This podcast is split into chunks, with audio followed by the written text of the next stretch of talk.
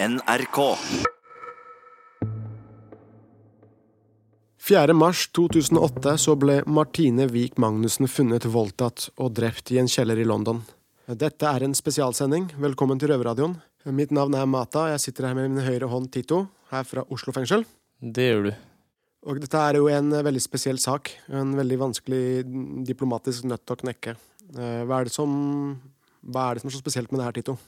Det som er spesielt, er at eh, den mistenkte har uh, flykta eller eh, rømt fra Storbritannia ned til Jemen ved hjelp av sin far, som sendte ned en privatfly.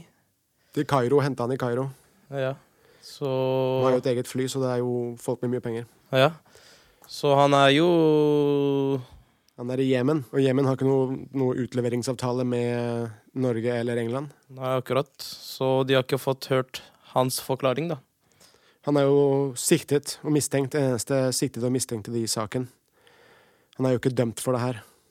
Hennes far har jo øh, kjempet i elleve år for å få klarhet i, i saken. Ja, det er en veldig stygg sak, og eh, det er brutalt. Og- Ja, det er jo spesielt brutalt når, øh, når noe sånt kan skje, og du bare ved å rømme land kan uh, Gjøre Altså- en handling i et, et land og bare flykte til et annet land og gå fri, det er, det er ikke bra. Ja, det er jo alt annet enn rettferdighet. Vi har jo mye lit på rettssystemet, og øh, det er jo det vi ser på som en del av den siviliserte verden.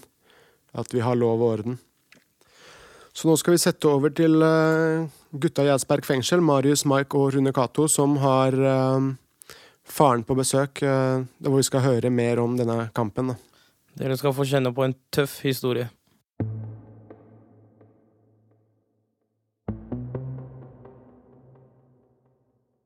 Dattera di drar faktisk ut og studerer ute i verden. Hva gjør man da? Eh, hun blir faktisk drept. Eh, drapsmannen er fortsatt etterlyst. Mange år har gått. Eh, vi i Røverradioen er så heldige nå sitter her med Odd Petter Magnussen eh, og advokat Patrick Lundvall Unger.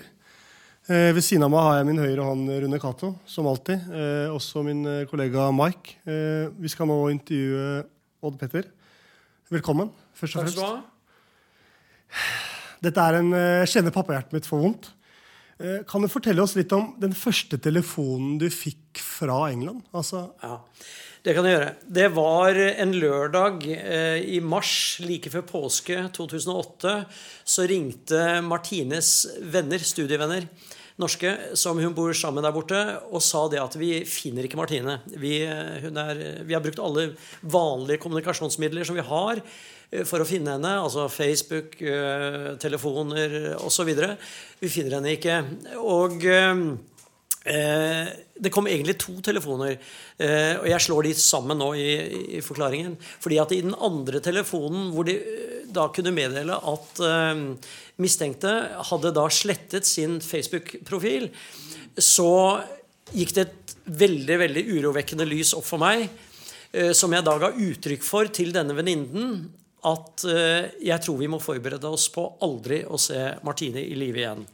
Det var rent intuitivt uh, ut ifra de opplysningene, de veldig få opplysningene vi da hadde.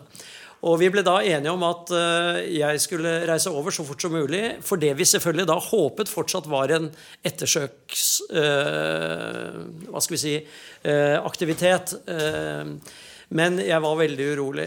Eh, så ville da resten av familien også være med, også Martines søsken, Magnus og Mathilde, pluss Martines mor. Så vi dro over da med første fly dagen etter. Første fly vi fikk tak i. Og etter en halv time på en politistasjon da i London, som eh, er lokal i forhold til der hvor Martine bodde, eh, så fikk vi etter en halv time vite at de hadde funnet en person som eh, De var jo litt forsiktige i tilnærmingen, men som de hadde grunn til å tro var Martine. Eh, Det pussige i den situasjonen der, hvis det har noe interesse, det er at jeg var, ble da på en måte litt lettet. Eh, mens resten av familien, som jeg ikke hadde forberedt på den konklusjonen jeg gjorde i Norge, nemlig at dette kanskje var fatalt, eh, de brøt jo sammen. Jeg ble litt lettet, rett og slett fordi vi da visste at vi hadde en, eller ville få en grav å gå til. Eh, for det er én ting som er verre når du mister en, eh, en, en, eh, et familiemedlem, og det er å ikke vite hva som er skjedd med henne, eller hvor hun er.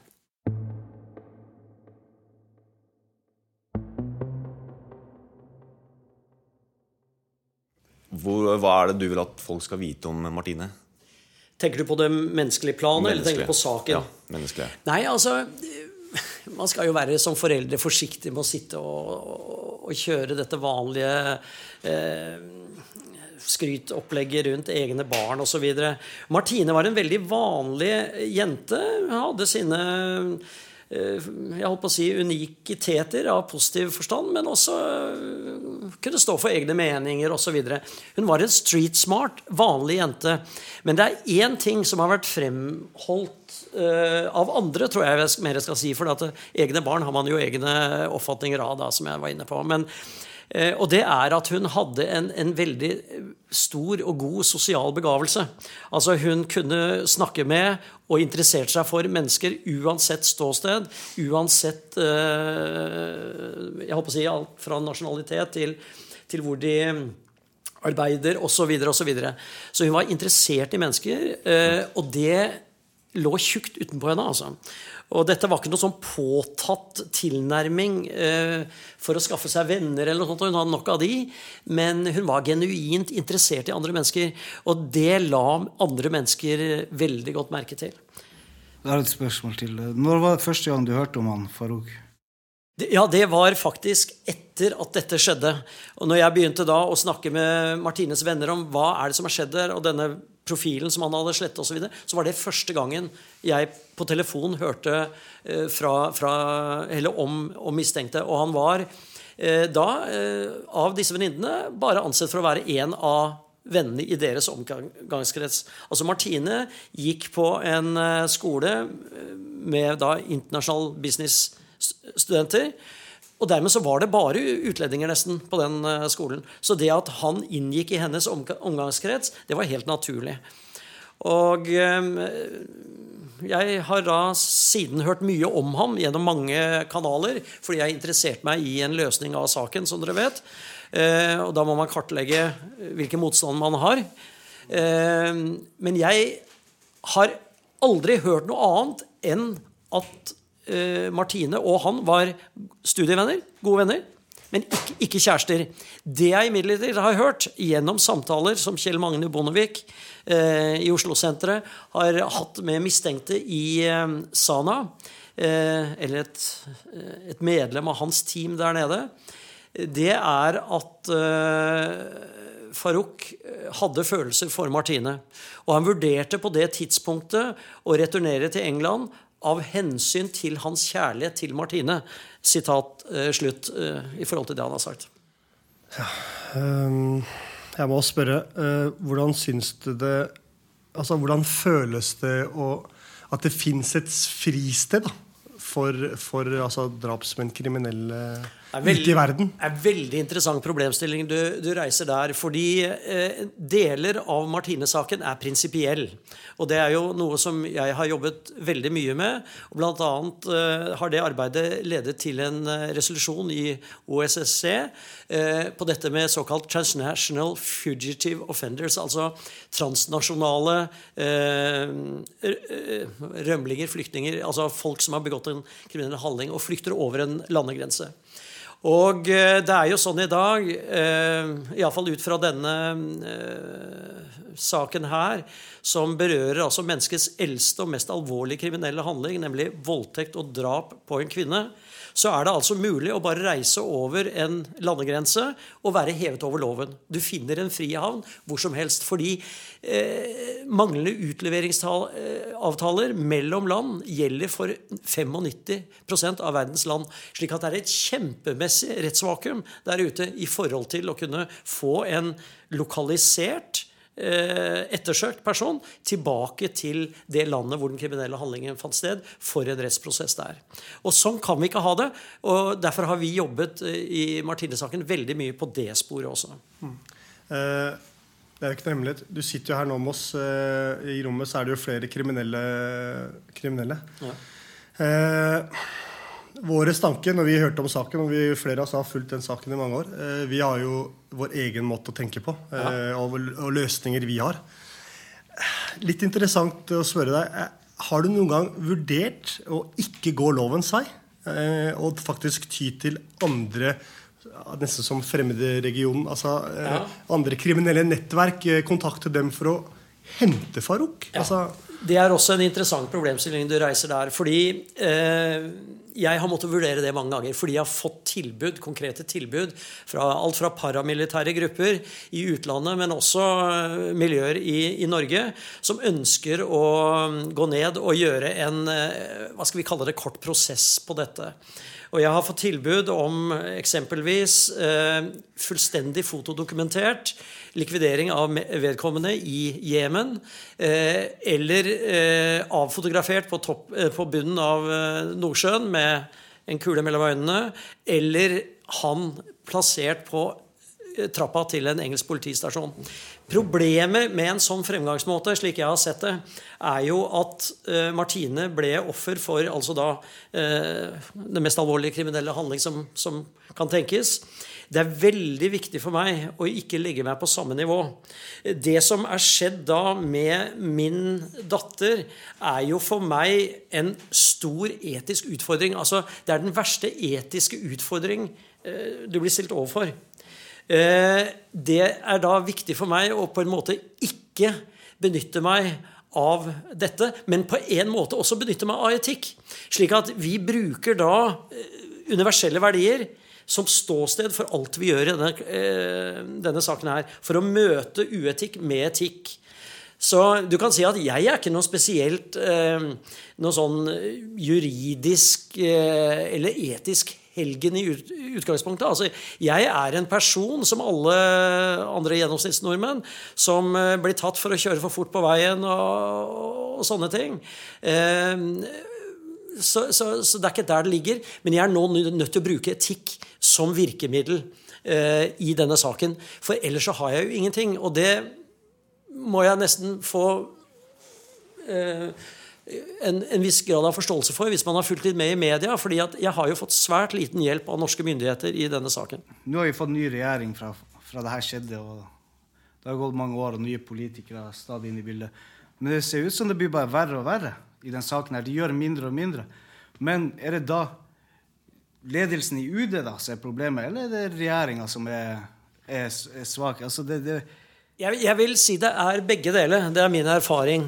Eh, det er jo slik at det er embetsverket i et departement som eh, har den kontinuerlige eh, tilnærmingen til saker når det blir ny politisk ledelse osv. Når en regjering eh, også endres. Så jeg har jo klaget manglende innsats fra UDs side inn til inn til statsministerens kontor også, eh, som en varslingssak. Men da sendte de bare saken over til Utenriksdepartementet selv for å granske seg selv, og da vet vi jo hvordan svaret ble. Så dette er en sånn politisk unnamanøver for å, gjøre noe i denne saken som det, etter min vurdering, eh, og det er min vurdering, eh, skyldes nå bare at det har gått prestisje i det fra Utenriksdepartementets side, fordi man veldig tidlig kom eh, i medienes søkelys eh, i form av eh, massevis av kronikker, eh, demonstrasjonstog osv. Rundt den unnfallenheten som Utenriksdepartementet veldig tidlig eh, viste, og som de da dessverre har fortsatt å vise. Eh, Jeg tror det er veldig viktig å huske på at når det gjelder utenlandssaker som dette her, så er det Utenriksdepartementet eh, som alene har totalansvaret, både juridisk og saksbehandlingsmessig osv. Så, videre. så jeg har bare Utenriksdepartementet å forholde meg til, og det har vært en skuffelse.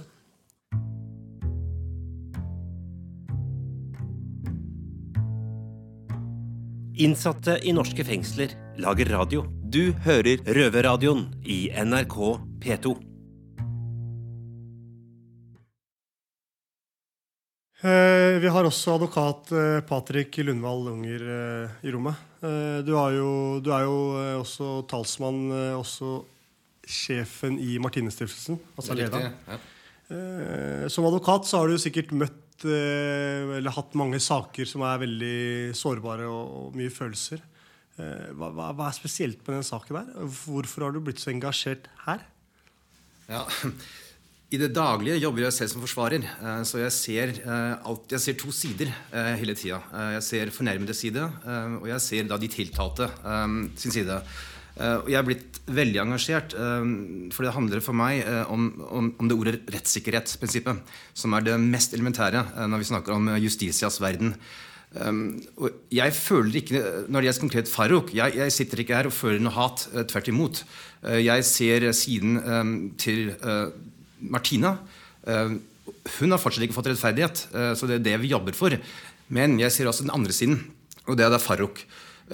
Så jeg, Derfor er jeg blitt engasjert. For jeg har lyst at man klarer også at Faro forstår at vi har noe som heter rettssikkerhet, men det gjelder også for deg. At du har også dine rettigheter i behold, som man jo da skal ta vare på. Så Derfor ønsker jeg jo veldig at han nå, etter alle de årene, tar i bruk disse viktige midlene, i hvert fall i vår kultur, som stiller han til side. Vi har jo hørt om stiftelsen. Kan du kort bare fortelle litt om hva er meningen med Martinesstiftelsen? Altså, hvorfor grunnla dere den? Ja, jeg kom jo inn senere. Jeg kunne vært i stiftelsen i to år. Så det spørsmålet kan jo Petter svare på. Hvorfor man grunnla det. Men det handler jo om å ha en ideell organisasjon som er uavhengig av, av familien, og at man går inn og jobber for disse verdiene, som jeg sa, som rettssikkerhetsbegrepet. Jeg, jeg, kan kanskje komplettere litt der, for jeg har jo historikken uh, inne før, før, din tid. Altså Det var ildsjeler som på en måte som meg så så på at uh, det er for galt. Uh, vi lever i en, i en rettsstat. drapet skjedde i en rettsstat. I tillegg til at dette er et rovmord og en voldtekt, så stikker altså mistenkte av og ikke tar ansvaret for dette her. Og du skal jo være rimelig avstumpa hvis ikke du reagerer på det. Eh, og det tror jeg gjelder alle. Det tror jeg gjelder alle i dette rommet og utenfor dette rommet. Og, og eh, dermed så ønsket noen å formalisere arbeidet når de så hvilke problemer jeg hadde som, som, som far overfor myndighetene osv. Og, og dermed så var det en utmerket person som heter Eva Wallace en bekjent av meg og en bekjent av henne, som het Markus Rolandsen, som stiftet da stiftelsen i sin tid for egentlig å gå til rettssak mot mistenktes far.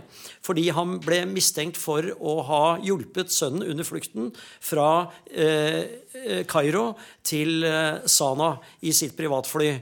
Eh, og dermed så mente man at man hadde en rettsmessig eh, plattform å angripe faren på. Så det var egentlig eh, et initiativ, rettslig initiativ den gangen fra stiftelsens side på å angripe faren som var grunnlaget for at man må, måtte ha en stiftelse som var på utsiden av meg, kan du si. Det var jo, det var jo en sak, den såkalte Lene Sand-saken, hvor altså en norsk kvinne ble funnet drept i Tyskland. Som førte til at jeg tok kontakt med Patrick i sin tid. Fordi han var, ut fra mediereporter, så var han en advokat i en sak hvor man hadde lykkes med å få en person som var da mistenkt for dette mordet, som hadde flyttet, flyktet da til Mexico, tilbake. Fordi tyske myndigheter engasjerte seg. Fikk da, mot alle odds, denne personen tilbake. Og det ble gjennomført en, en rettssak. Farouk han ønsker jo en dialog. Det er et siste nytt. Ja, det, Sånn har vi forstått det, ja. Men, eh, vi har jo også hørt litt om at eh, hans far som vi også sant, har skjønt, er en veldig meget rik, innflytelsesrik mann. Mm. Eh, og Farouk har jo Det høres rykter om at han skal da ta over sin fars altså, rolle i, i, i firmaet. Faruk har jo også selv fått barn, har vi fått høre, og kone. Nå er det to spørsmål. Jeg sa det siste først. og er litt engasjert. Du som en far selv, da, mm. føler at du har fått en mer medlidenhet, følelse for gjerningsmannen nå som han selv også har blitt far? At han har fått sine egne barn i ettertid alt det her? Ja, men på en motsatt måte enn det du indikerer. Det vil være viktigere for han i min verden at han gjør opp for seg. Jeg har ingen sympati med han hvis han ikke gjør det. Og da blir dette med barn eller ikke barn helt uh, uinteressant for meg. Han skal gjøre opp for seg uh, fordi vi trenger å vite hva som skjedde med Martine. Og det er mulig han kan klare å fremstå som altså ikke skyldig, hva vet jeg. Vi bryr oss ikke om, som familie, hva som skjer med han i den juridiske prosessen etter at han eventuelt har returnert til England. I vår verden så er rettferdighet skjedd fyllest den dagen han setter sine ben på britisk jord igjen. Og vi kommer aldri til å gi oss før han gjør det. Han kommer til å gjøre det på et eller annet tidspunkt. Han kan selv velge hvilken vei det skal være, ved nå å ta ut det etiske potensialet som ligger i at han gjør det frivillig, eller om han forsøker å eh, reise til andre land eller tilsvarende senere og risikerer å bli arrestert. Da blir konsekvensene mye verre for han. Ja. Og eh, du har jo helt sikkert tenkt eh, ganske mye gjennom hva du ønsker å si til Farouk. Ja, altså hvis jeg skulle komme i en posisjon hvor jeg kunne snakke med han Nå har ikke jeg foreløpig ytret noe spesielt ønske om å snakke med han direkte. Men har du noe å si til han, eller er det ja, eh, altså jeg tror jeg vil si noe i retning av at dette er jo altså Hvis han blir eh, arrestert, da, eller hvis han blir gjenstand for en, en uh, rettssak eller returnerer til England, som er det vi håper på, så vil jeg nok si at uh, dette her er manifestasjonen av to menneskers dype tragedie. og jeg tror også dette er ikke like mye en tragedie for han, for han har livet sitt i behold. Det har ikke Martine. Eh, hun ble frarøvet dette livet eh, mistenksmessig av denne personen. Eh, og dermed så er det litt forskjellige posisjoner. Men jeg har forstått at Farouk er en for så vidt tenkende person. Problemet er at vi vet ikke hva som skjedde. og Derfor skal han tilbake til England og forklare hva som skjedde med Martine. Det trenger vi for å få en, en slutt på denne saken. Men uh, uten at jeg da har fått snakket med han og kjent til hva som egentlig skjedde, så tror jeg jeg vil si at vi er inneforstått med at dette er en tragedie for to mennesker, ikke bare Martine.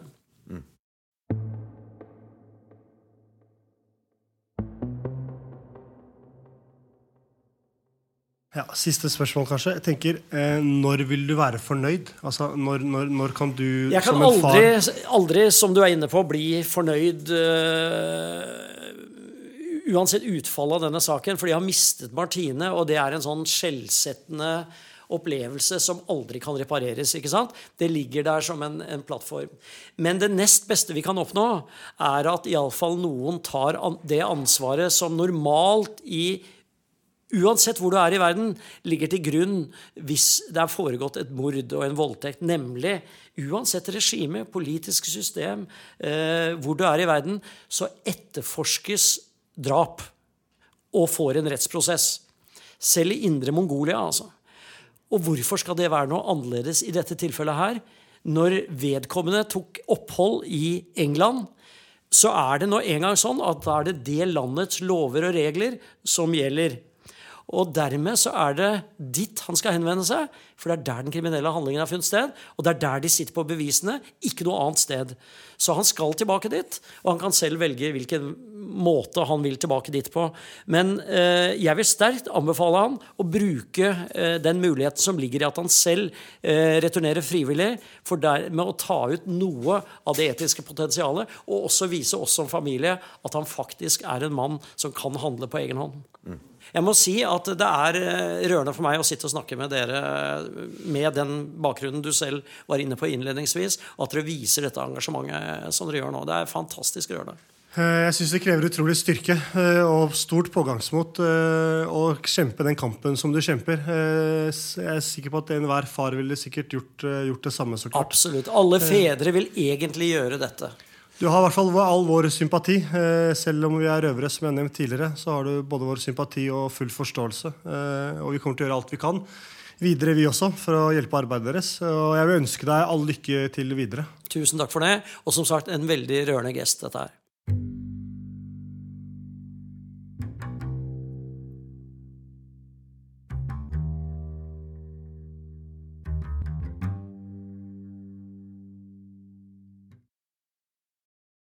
Faren til Martine gikk akkurat ut døra med advokat, eh, advokaten sin. Mm. Eh, vi møter en far som har mista sin datter på den mest brutale måten som du kan tenke deg. ikke sant? også, og han er en vanlig mann i gata. Og han blir møtt med samme for, eh, ikke samme fordommer, men samme problemer som det vi gjør, som faktisk er kriminelle. Og det er det at eh, systemet jobber litt imot ham. Han får ikke den hjelpa han trenger. Eh, jeg ser at du er litt betenkt, Rune Cato. Ja, absolutt. Nei, altså det jeg tenker det liksom, vi må, vi må jo klare å gjøre noe herfra. Vi må starte et lite fengselsfond. Så får vi alle innsatte i fengsel her til å være med å donere 10 kroner, 20 kroner hver. ikke sant? Så putter, putter vi det i en pott, og så donerer vi det til Martinstiftelsen. Eh, bare tenk dere det store egentlig vi driver og prater om nå, gutta. Eh, vi sitter faktisk og, og, og, støtter en sak om at vi skal fengsle en annen kriminell, og vi er kriminelle selv. Det viser jo egentlig hvor store hjerter vi har, eh, og hvor mye vi brenner for eh, diverse ting. Eh, så absolutt. Det, det, det, det, det traff, traff hjem. Altså, det traff i pappahjertet, det der. altså.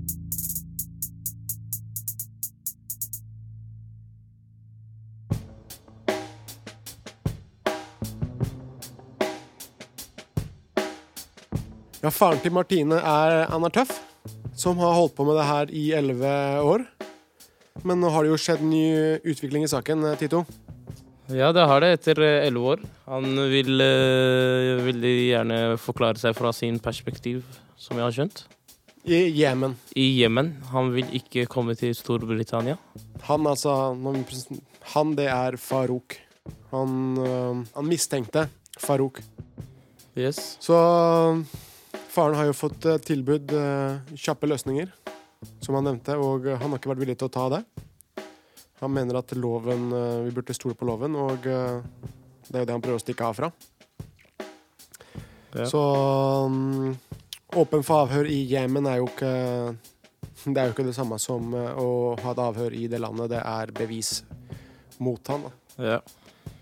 Så jeg syns det er uh, veldig sterkt av faren for det første å ha et uh, Villig til å prate om det her. Sånn at jeg kan forestille meg egentlig hvor, hvor vanskelig det er å prate om noe så sårt. Ja, han er en bra mann. Han gir ikke opp. Så, Nei, så... vi støtter han, vi. Gjør vi ikke? Jo, mye støtte fra, fra oss kriminelle. Mm. Så jeg syns det, det, er vakkert uh, å se at uh, gutta i Eidsberg fengsel faktisk har startet, uh, startet et fond. Da. Og samlet inn uh, flere tusen. Og flere av gutta har faktisk gitt uh, 80-80 av det de får i uka. Det er jo ikke mye penger vi får. Hvor mye får vi om dagen, Tito? Her i hvert fall. Om dagen er det 70 eller 60? 60? Nei, 64, så 64, ja, trekker vi litt for TV-en, men ja. Eh, det er jo ikke mye penger. Så jeg håper det skjer noe. Vi satser på det, vi satser på det. Vi gjør det, vi satser på det. Og med det så sier vi takk for i dag her fra Oslo fengsel, og uh, peace out, Tito. Peace out, peace out. Røverradioen er laga for og av innsatte i norske fengsler. Tilrettelagt for streitinger av Rubicon for NRK. Pressetalsmann ved Utenriksdepartementet, Per Bardalen Wiggen, svarer følgende på kritikken fra Odd Peder Magnussen i programmet. Å tilby bistand til norske borgere i utlandet er en viktig oppgave for utenrikstjenesten.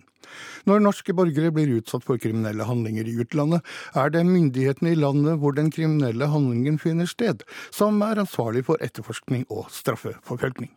I Martine-saken er det britiske myndigheter. Departementet har forståelse for den frustrasjon familien til Martine Wiik Magnussen føler over at saken fortsatt er uløst.